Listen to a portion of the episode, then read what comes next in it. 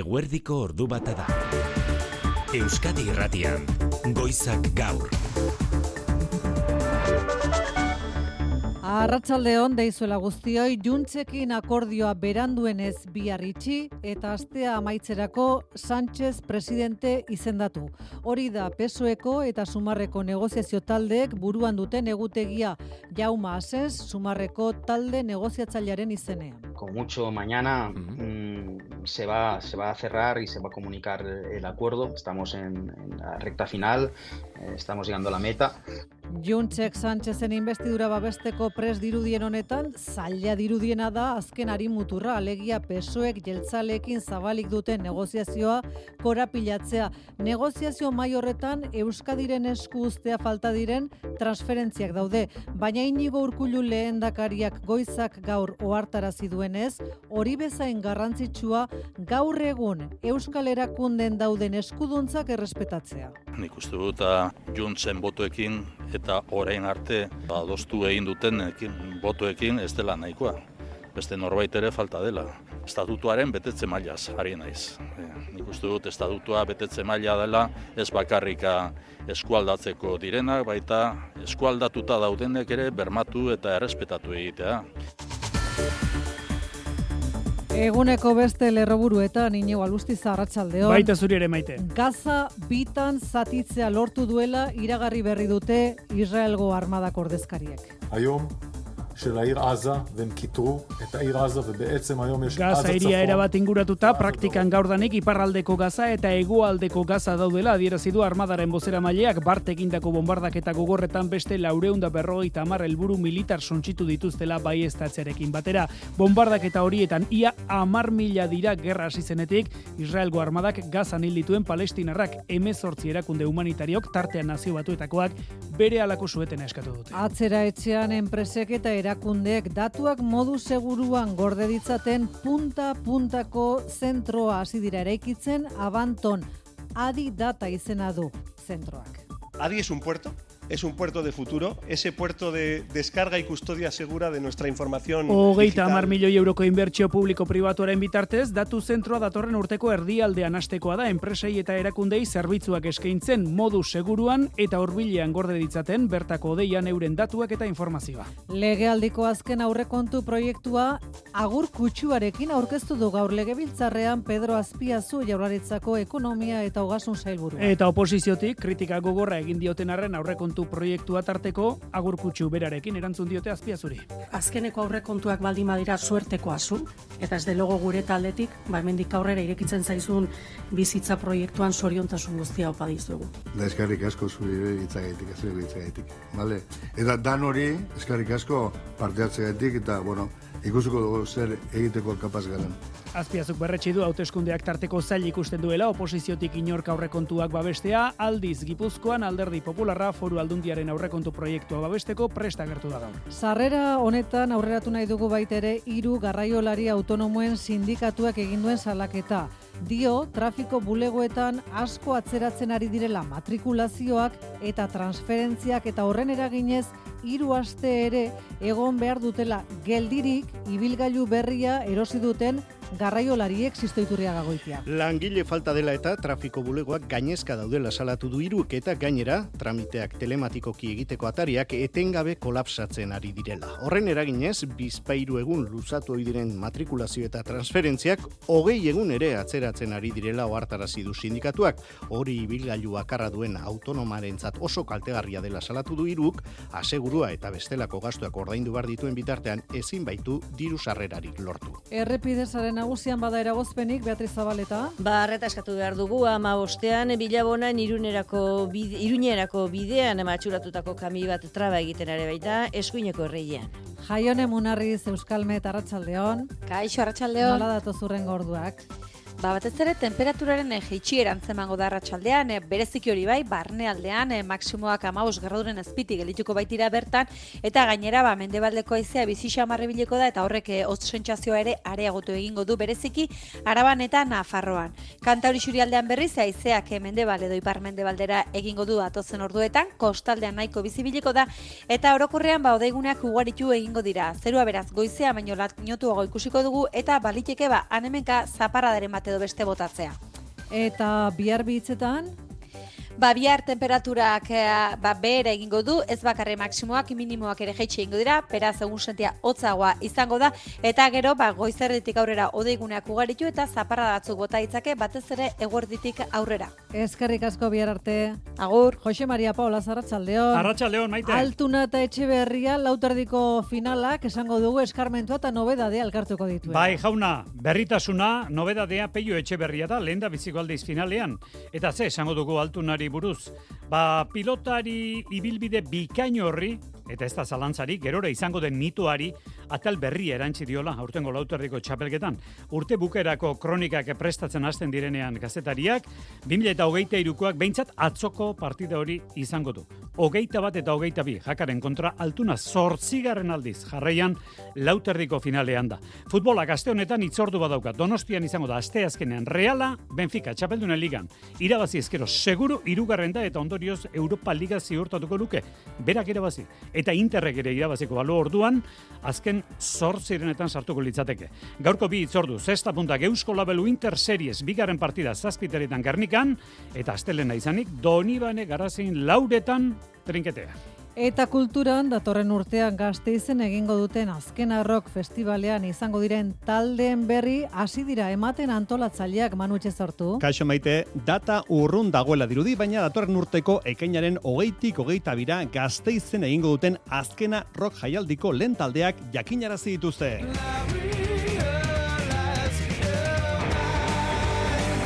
Azkenaren zale amorratuek osoko dute 2000 eta urtean Kaliforniako Queens of the Stone Age taldeak gazteizen emandako konzertua, jaialdiaren historia osoko konzerturik onena izan dela diote adituek. Berriz hemen izango dira aurtengo azkenan izango diren beste artista batzuk, Sheryl Crow, kantari estatu batuarra, Glenn Hanser, Irlandarra, eta estatu, Espaini, eta estatu Espainiarretik azken aldian izugarrizko arrakasta lortu duen Arde Bogota talde murtziarra. Euskal Ordezkaritzari izango da, jaialdian, horren adibide, PLT, eta gainera, lendakariz muertos, eta adi, 2008 lauko azkena jaialdirako sarrera salmenta ostiralean hasiko da, goizeko, amarretan maite.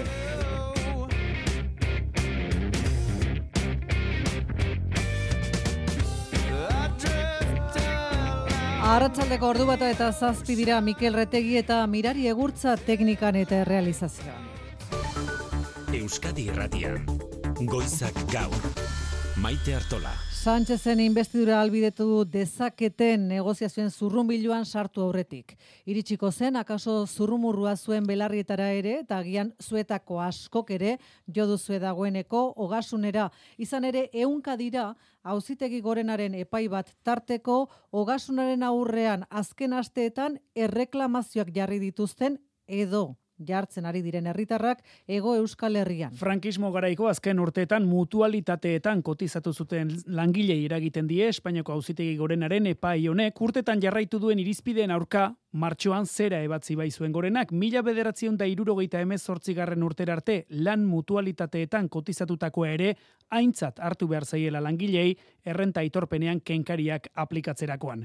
Banku sektoreko langile baten salaketa dago, hauziaren oinarrian, eta jada jakin dugu erreklamazioa jarri duten bankuetako hainbat langilek 2000 eta lau mila euro arteko ordaina jaso dutela arabako eta gipuzkoko foru agasonen partetik. Orain argitzeko dagoena da, ebazpen hau beste sektore batzuetara ere zabalduko ote den igotzalkorta arratsaldeon. Arratsaldeon, mila bederatzerun eta irurogeita emezortzi aurretik alabe arrez gizarte segurantza ofizial baten faltan mutualitateetan kotizatzen zuen milaka langilek. Orduan kotizatutakoa ordea, errenta itorpena egiterakoan etzaie kontuan hartu, etzaie urte horien gatik kenkaririk ezarri, eta hori zuzendu du gorenaren sententziak. Javierrek esaterako banku sektorean lan egin du, azken bost urteetako errenta aitorpenean, irurogeita emezortzi aurretiko ekarpen horien gatik zegokion kenkaria ordaindu berri dio Gipuzkoako gasunak. Azken bost urteak aipatu ditugu, arau fiskaletan preskrizio epea bost urtekoa baita. Hori bai, aldaketa eginda, ekarpen horiek kontuan hartuta, aurrerantzean, errenta aitorpenean gutxiago kenduko diote, Javier.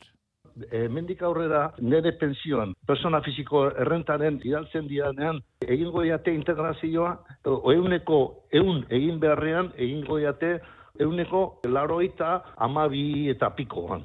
Banku sektoreko langileen artean erreklamazioa jarriala ari dira itzulketak egiten araban eta gipuzkoa meintzat. Mutualitatetan ordea beste sektoretako dozenaka mila langile kotizatu zuten, mila bederatzireun eta irurogeita zazpi eta irurogeita emezortzi bitartean, metalgintza, siderurgia eraikuntza eta beste hainbat sektoretakoak. Horiei ere egokitzen altzaie dirua jasotzea? Edri garanburu fiskalitatean adituari galdetu diogu. Zitik epaia justu da bankaren kasua aztertzen duena, eskaere egindakoaren egoera pertsonala kontuan hartzen duelako bakarrik. Hala ere, ikuste dut, eraikuntza, metalurgia, elektrikak eta bar, izro irutamar e, garren amarkadako urte horietan, mutualitateei egin beharreko ekarpenetan, e, inolako e, kenkariri jaso ez balute e, pertsona fizikoen errentaren gaineko zergan, nik uste dut e, aukera izan behar dutela, goera berdina analogia kontuan hartuta nik uste aplikatu beharko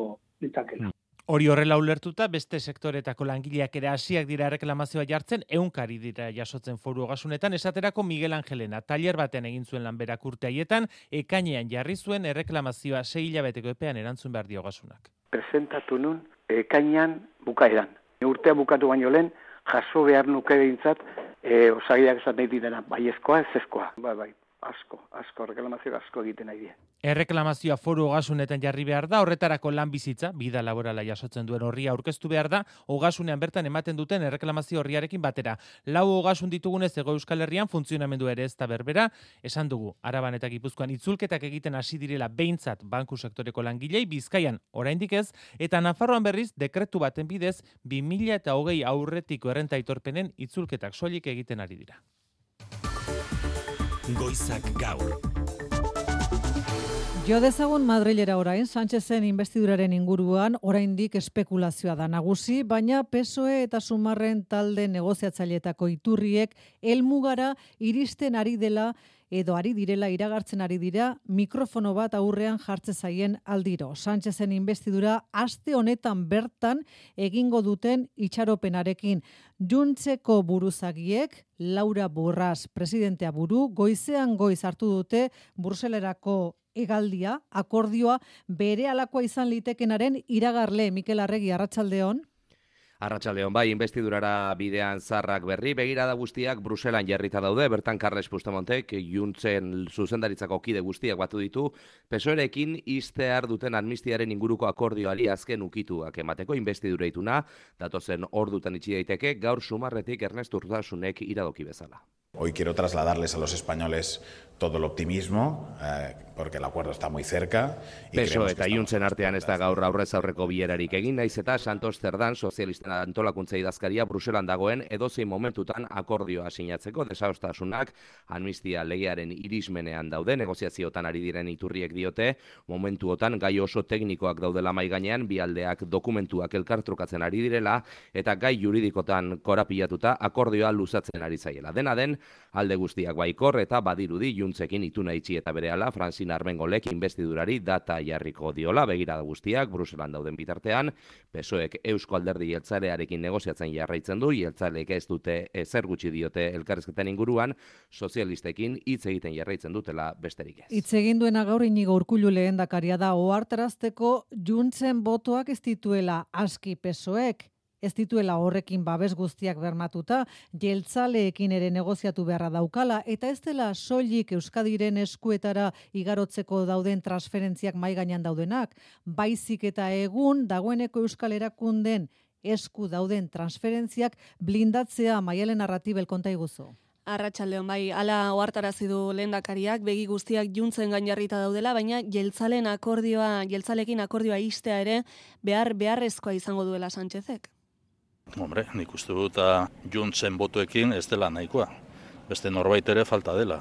Eta esan du, investiduran EAJaren babes hori lortzeko baldintza izango dela autogobernuarekiko eta estatutua betetzeko erabateko konpromisoa. Estatutuaren betetze mailaz, ari naiz. Azken batean, igadura isila batean garaian bizi izan garela azken urte hauetan zehar, eta uste dut estatutua eta autogobernua errespetatzea ez dela bakarrik pendiente edo eskualdatzeke dauden eskuduntzak bermatu egin alizatea, baizik eta bermatu egin alizatea autogobernua bera. Izan ere jeltzalek bezala, jaurlaritzatik behin eta berriz salatu dute azken urteotan, Madrildik igatu nahi izan dituztela bertako eskumenak, jada transferituta dauden eskumenak, inbasioa egon dela besteak beste etxe bizitzalegean, eta ez dela bete transferentzien egutegia. Atzera zurekin gaude, Mikel, gertatzen ari denaren aurrean PP sututa dagoela erakusteko argazki atera baitute buruzagi popularrek, esan dute negoziazio hauek lotxagarriak direla, eta alduten leku guztietan erantzun instituzionala eta juridikoa emango dutela. Azken mugimendua hala ere, boxek egin duena, ez da, Mikel? Bai, eskuin eta eskuin muturrak egin al guztiak egin nahi dituzte amnistiaren kontra, boxek esaterako, Pedro Sánchezen kontrako kerei aurkeztuko duela iragarri berri du, eroskeria delitu batengatik, eta salak eta kongresuko maiaren kontra luzatuko duela gaineratu du, beste prebarikazio delitu batengatik. Bitartean, Alberto Núñez Feijok gaur bere lurralde buruzagiak genoban batu ditu, asteburuan amnistiaren kontrako laugarren ekitaldia egin eta biaramunean, PPko presidenteak gogoratu du. Sánchez y sus socios Sánchezek eta bidelagun dituenek zuzen bide estatuari, Espainiarren arteko berdintasunari eta erakundeei sekula egin zaien erasorik larriena egin diotela. PEPek, amnistiaren kontrako alderriak, esparru politikotik kanpora ere atera nahi ditu, botere judizialera eta kaleetara hain zuzen, bokal kontserbadorek deituta, botere judizialaren kontseilu nagusiak bilera egingo du arratsaldeko zazpietan, amnistia legiaren kontrako adierazpen instituzionala, instituzionala onartu asmoz, bokal progresistek ekimenaren kontra ahotsa altxatu garren badirudi 2018tik bere agintea agortuta duen organoak oraindik kongresuan erregistratu gabe dagoen legearen kontrako adierazpena onartuko duela. Ordu bata eta amasei dira, legebiltzarreko ekonomia batzorderen aurrean berriz, gaur hasi da xeetzen Pedro Azpiazu ekonomia sailburua legealdi honetako azken aurrekontu proiektua. Legebiltzarrerako hauteskundeak urrengo urtean izanik, kanpaina giroan oposizioaren babesik ez du aurre ikusten Azpiazuk. Hala ere gaur giro adeitsuan nagusitu da sailburuaren eta oposizioko taldeen artean. Izan ere, Azpiazuraren agurkutsua izan du agerraldiak irurogeita sei urte bete dituelarik asonaro zen arratsaldeon. Arratsaldeon bai alaxe izan da Pedro Azpiazuk berak ere aitortu du. Seguraski bere azkeneko aurrekontuak izango direla hauek eta jaso ditu gaur bertan eskerroneko hitzak alaitz zabala legebiltzarkide jeltzalea. Gaur regealdiko laugarren aurrekontuak asaltzera torri zara. Legealdi honetan azken aurrekontuak eta baliteke ziurrenik zure azken aurrekontuak ere izatea. Beraz, gure taldearen izenean eskerrik asko urte guzti hauetan egindako lanagatik herri honen alde. Azpiazuk egindako lan azpimarratu dute sozialistek ere eta zorterik onena opa dio EH Bilduk. Esker honeko hitzak Pedro Azpiazuk ere. Da eskerrik asko zure hitzagaitik, azkeneko hitzagaitik. Vale. Eta dan hori eskerrik asko parte hartzegaitik eta bueno, ikusiko dugu zer egiteko kapaz garen. Ostegunean ekingo dio, ekonomia eta hogasun zaiburuak aurrekontuen negoziazioari dena den kritiko agertu dira lehen valorazioan oposizioko alderdiak EH Bildu nere akortagaren. Aurrekontu hauetan ez dago autokritika minimo. Aurrekontu hauen oinarrian dauen irakurketa da, dena ondo dago, hobekuntza margena egon daiteke, diru pixka bat gehiago jarriko dugu, eta ja. Hemen, erabakia politikoak badago sartuta aurrekontuan barruan ere, inbertsioaren askundea, politika sozial guztiak, ez gado, ez ados, gazteen dirua egoteko, umeen zat dirua egoteko, RGI-ren egoera, horre politika soziala dira. Osakidetzak izango duen igoera ere azpimarratu du zaiburuak, onkologikoa osakidetzan sartzeko baimena ere jaso da aurrekontu proiektuaren xedapen gehigarrietan. Hain justu irurogeita amarretik gora gizarte eragilek bat egin dute larun baterako osasun publikoa aurrera izeneko plataformak gazte izen Bilbon eta Donostian deitu dituen manifestazioekin ekaitzagirre. Osakidetza indartzea eta diru publikoa osasun pribatura ez bideratzea aldarrikatuko dituzte besteak beste larun bateko mobilizazioetan, ina idarreta osasun publikoaren aldeko herri plataformen izenean. Osasuna eskubide bat dela eta ezin dugula onartu negozio baten bihurtzea. Osasun publikoa da guztiontzako harreta ekitatiboa eta gure beharren araberakoa berma dezaken bakarra. Eta osakidetzaren degradazioa ez da oraingoa urruneti datorren afer badat eta ez da kasualitate sortu. Ate birakariak ere hor daude. Zerbitzu asko pribatu dira aspalditik. Bilboko eta Gasteizko manifestazioak eguerdian egingo dituzte, Gasteizkoa Bilbo plazatik abiatuko da, bihotz sakratuaren plazatik Bilbokoa, Donostian arratsaldeko bostetan da itzordua bulebarrean, dozenaka eragilek egin dute bat mobilizazioekin, tokian tokiko osasun sistema publikoaren aldeko plataformek, sindikatu ia guztiek eta EH Bilduk ezkerran hitzak edota Podemosek besteak beste. Gipuzkoako aurrekontuen inguruko negoziazioari dagokionez bilera errondan alderdi popularreko alderdi sozialistako eta elkarrekin koalizioko ordezkariekin batzartu dira goizean foru gobernuko arduradunak Eider Mendoza diputatu nagusia buru. Eta alderdi popularrak sintonia ona ikusi du bilera horretan mertzetxe berria. Bai ala dierazi dio Euskadi Irratiari Mikel Lezama batzarkide popularrak ambizioa eta epe luzeko begirada ikusi nahi dute popularrek aurrekontuetan, gizarte zerbitzuetan eta inbertsioetan fokoa jarrita, akordioa posible dela esan digu Mikel Lezamak posible da, noski, noski baiet, gaina, bueno, ageri da ez, behar dutela, e, behar dutela orain apoio hoiek, gu beti egongo gara lan hori egiten, eta gero, bueno, denon arteko ulermenetara iritsi beharko gara, baina bai, predisposizio hori badago eta usteet ikusi dugula gaur goizean.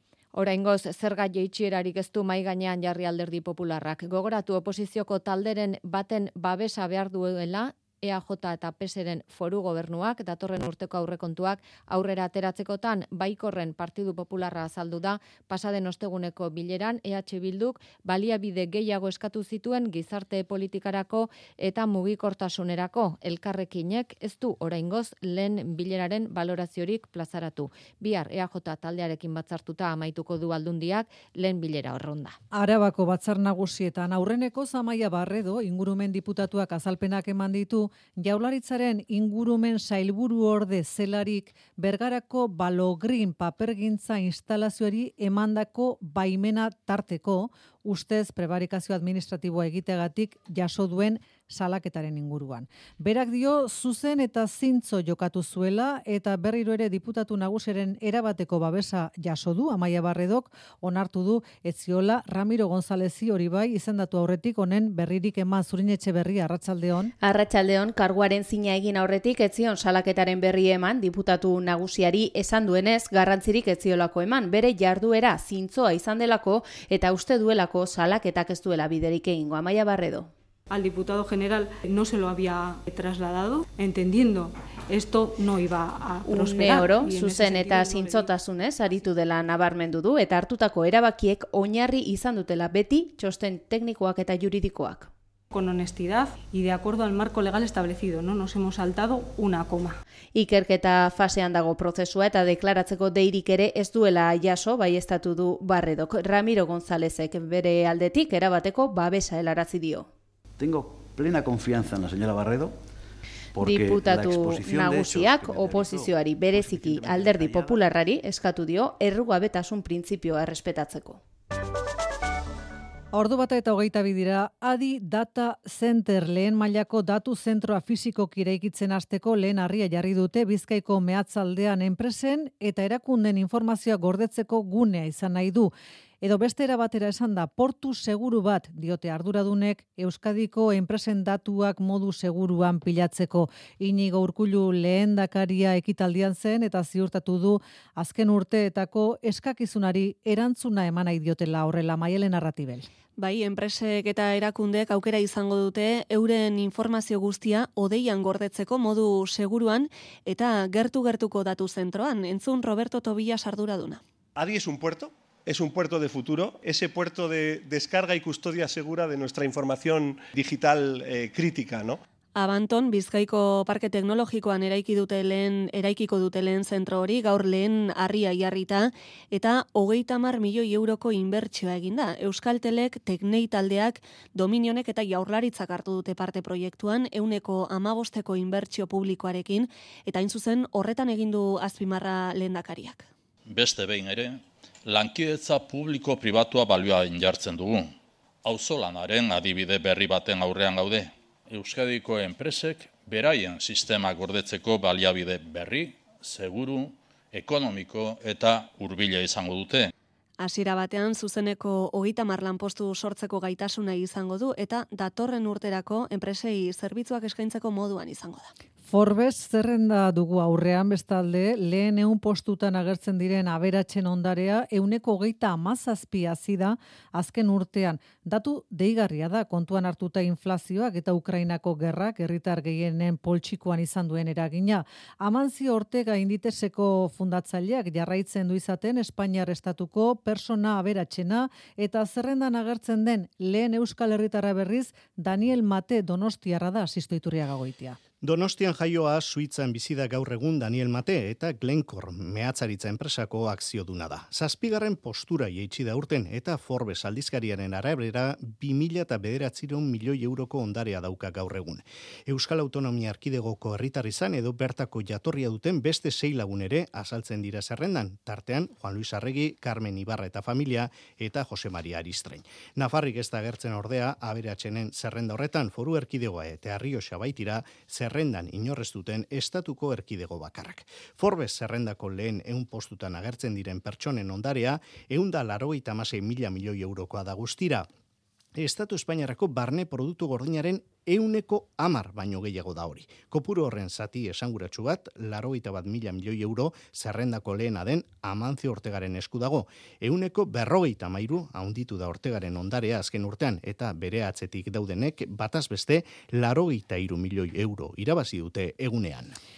Hilabete beteko da Hamasek Israel naurkako sarraskia burutu eta Israel atzetik gaza bombakatzen hasi zela, aurrekaririk gabeko giza ondamendiaren lekuko izaten ari gara ordutik gazan, eta azken albistea da gazako lerroa bizatitan banatzea lortu duela Israelgo armadak. Hori da bainek behin iragarpena Jerusalemen Mikel Aiestaran eite beren bidali berezia arratsaldeon.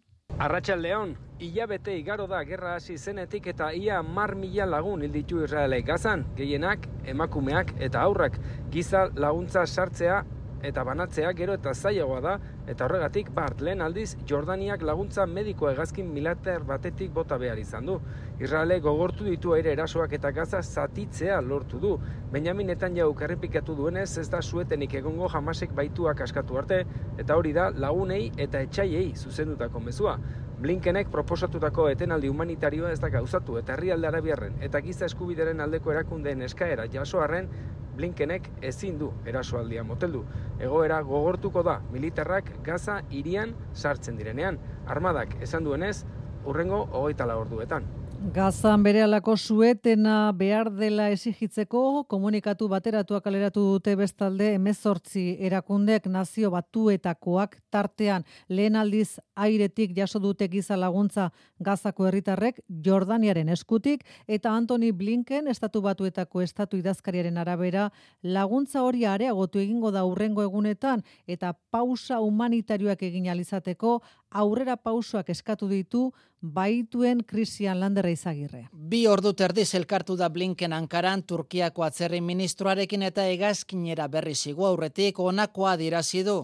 One critical aspect though is seeing progress on uh, Pausa humanitarioa lortzeko kritikoa dela baituen egoeran aurrera pausuak ikustea, baina baituak askatzeko preso palestinarrak ere askatzea defendatzen du Turkiak, beraz, hainbat negoziazio daude aldi berean elkarkora pilatuta. Edo zein kasutan, urrengo egunetan laguntza humanitarioa handitzen ikusiko dugula dirazi du estatu batuetako estatu idazkariak laguntza hori gazara egazkin batetik bota du Jordaniak lehen aldiz eta Europar batasunak beste hogeita bos milioi euro bideratuko diru ditu horretara. Guztira, eun milioi euro Bruselaren partetik gazarentzat. Frantzia, Egipto konbentzitu nahian ari da, honen lurretan zaurituentzako hospital militar bat ezartzeko izan ere, eun osasuna azpiegitura baino gehiago kaltetu dituzte gerran, eta aski dela adierazi dute komunikatu bateratu batean, amazortzi erakunde humanitariok bere alako suetena eskatu dute, eta sinatzaien artean daude nazio batuen erakundeko amar agentzietako zuzendariak. Albistegia itxe aurretik gertuko informazioa Nafarroan abiatu da Olibaren usta eta aurreikuspenen arabera usta oparoa izan daiteke hainbat eskualdetan iaz bildutakoaren bikoitza jasotzea espero dute. Abuztua beroa eta lehorra izan arren bai udaberria mairako baite iraila eta urrian izandako euritengatik ere oliba bere punturik onenean dagoela dioten nekazariek aitor perez. Hala da bai, salneurrien beherak da ekar lezakeen ala ez usta oparonek hori da kontsumitzaileen zalantza momentu zinor gutxik argitu dezakena, baina behintzat Nafarroako olioaren jatorri izendapenetik baiestatu dutena zera da. E, orokorrean, e, esan daiteke, aurten kanpaina e, aurreratuta dagoela, beste urteekin konparatuta, eta aurreikuspen oso onarekin. Alexia Zabal zaidazkariaren hitzak dira baikortasuna nagusi nekazarien artean aurtengoa usta ona izatea espero baitute Nafarroako herriberan daude zalantza gehien, baina arronizko mendia dolarean esaterako bederatzi eta amar milioi kilo oliba kilo, kilo o bederatzi eta amar milioi oliba kilo artean jasotzea espero dute alderak eta egiteko iaz azken amarkadako ustari kokerrenean ez ziren 6 milioi kiloetara heldu. Jo berriak.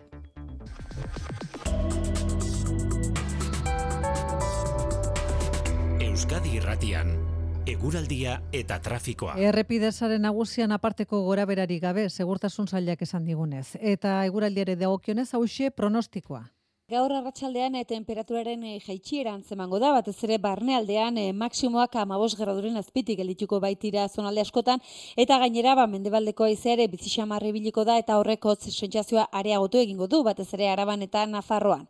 Kanta hori xurialdean berriz haizeak e, mendebal edo ipar mendebaldera egingo du, kostaldean nahiko bizibiliko da eta odaiguneak ugaritu egingo dira eta baliteke anemenka zaparradaren bat botatzea.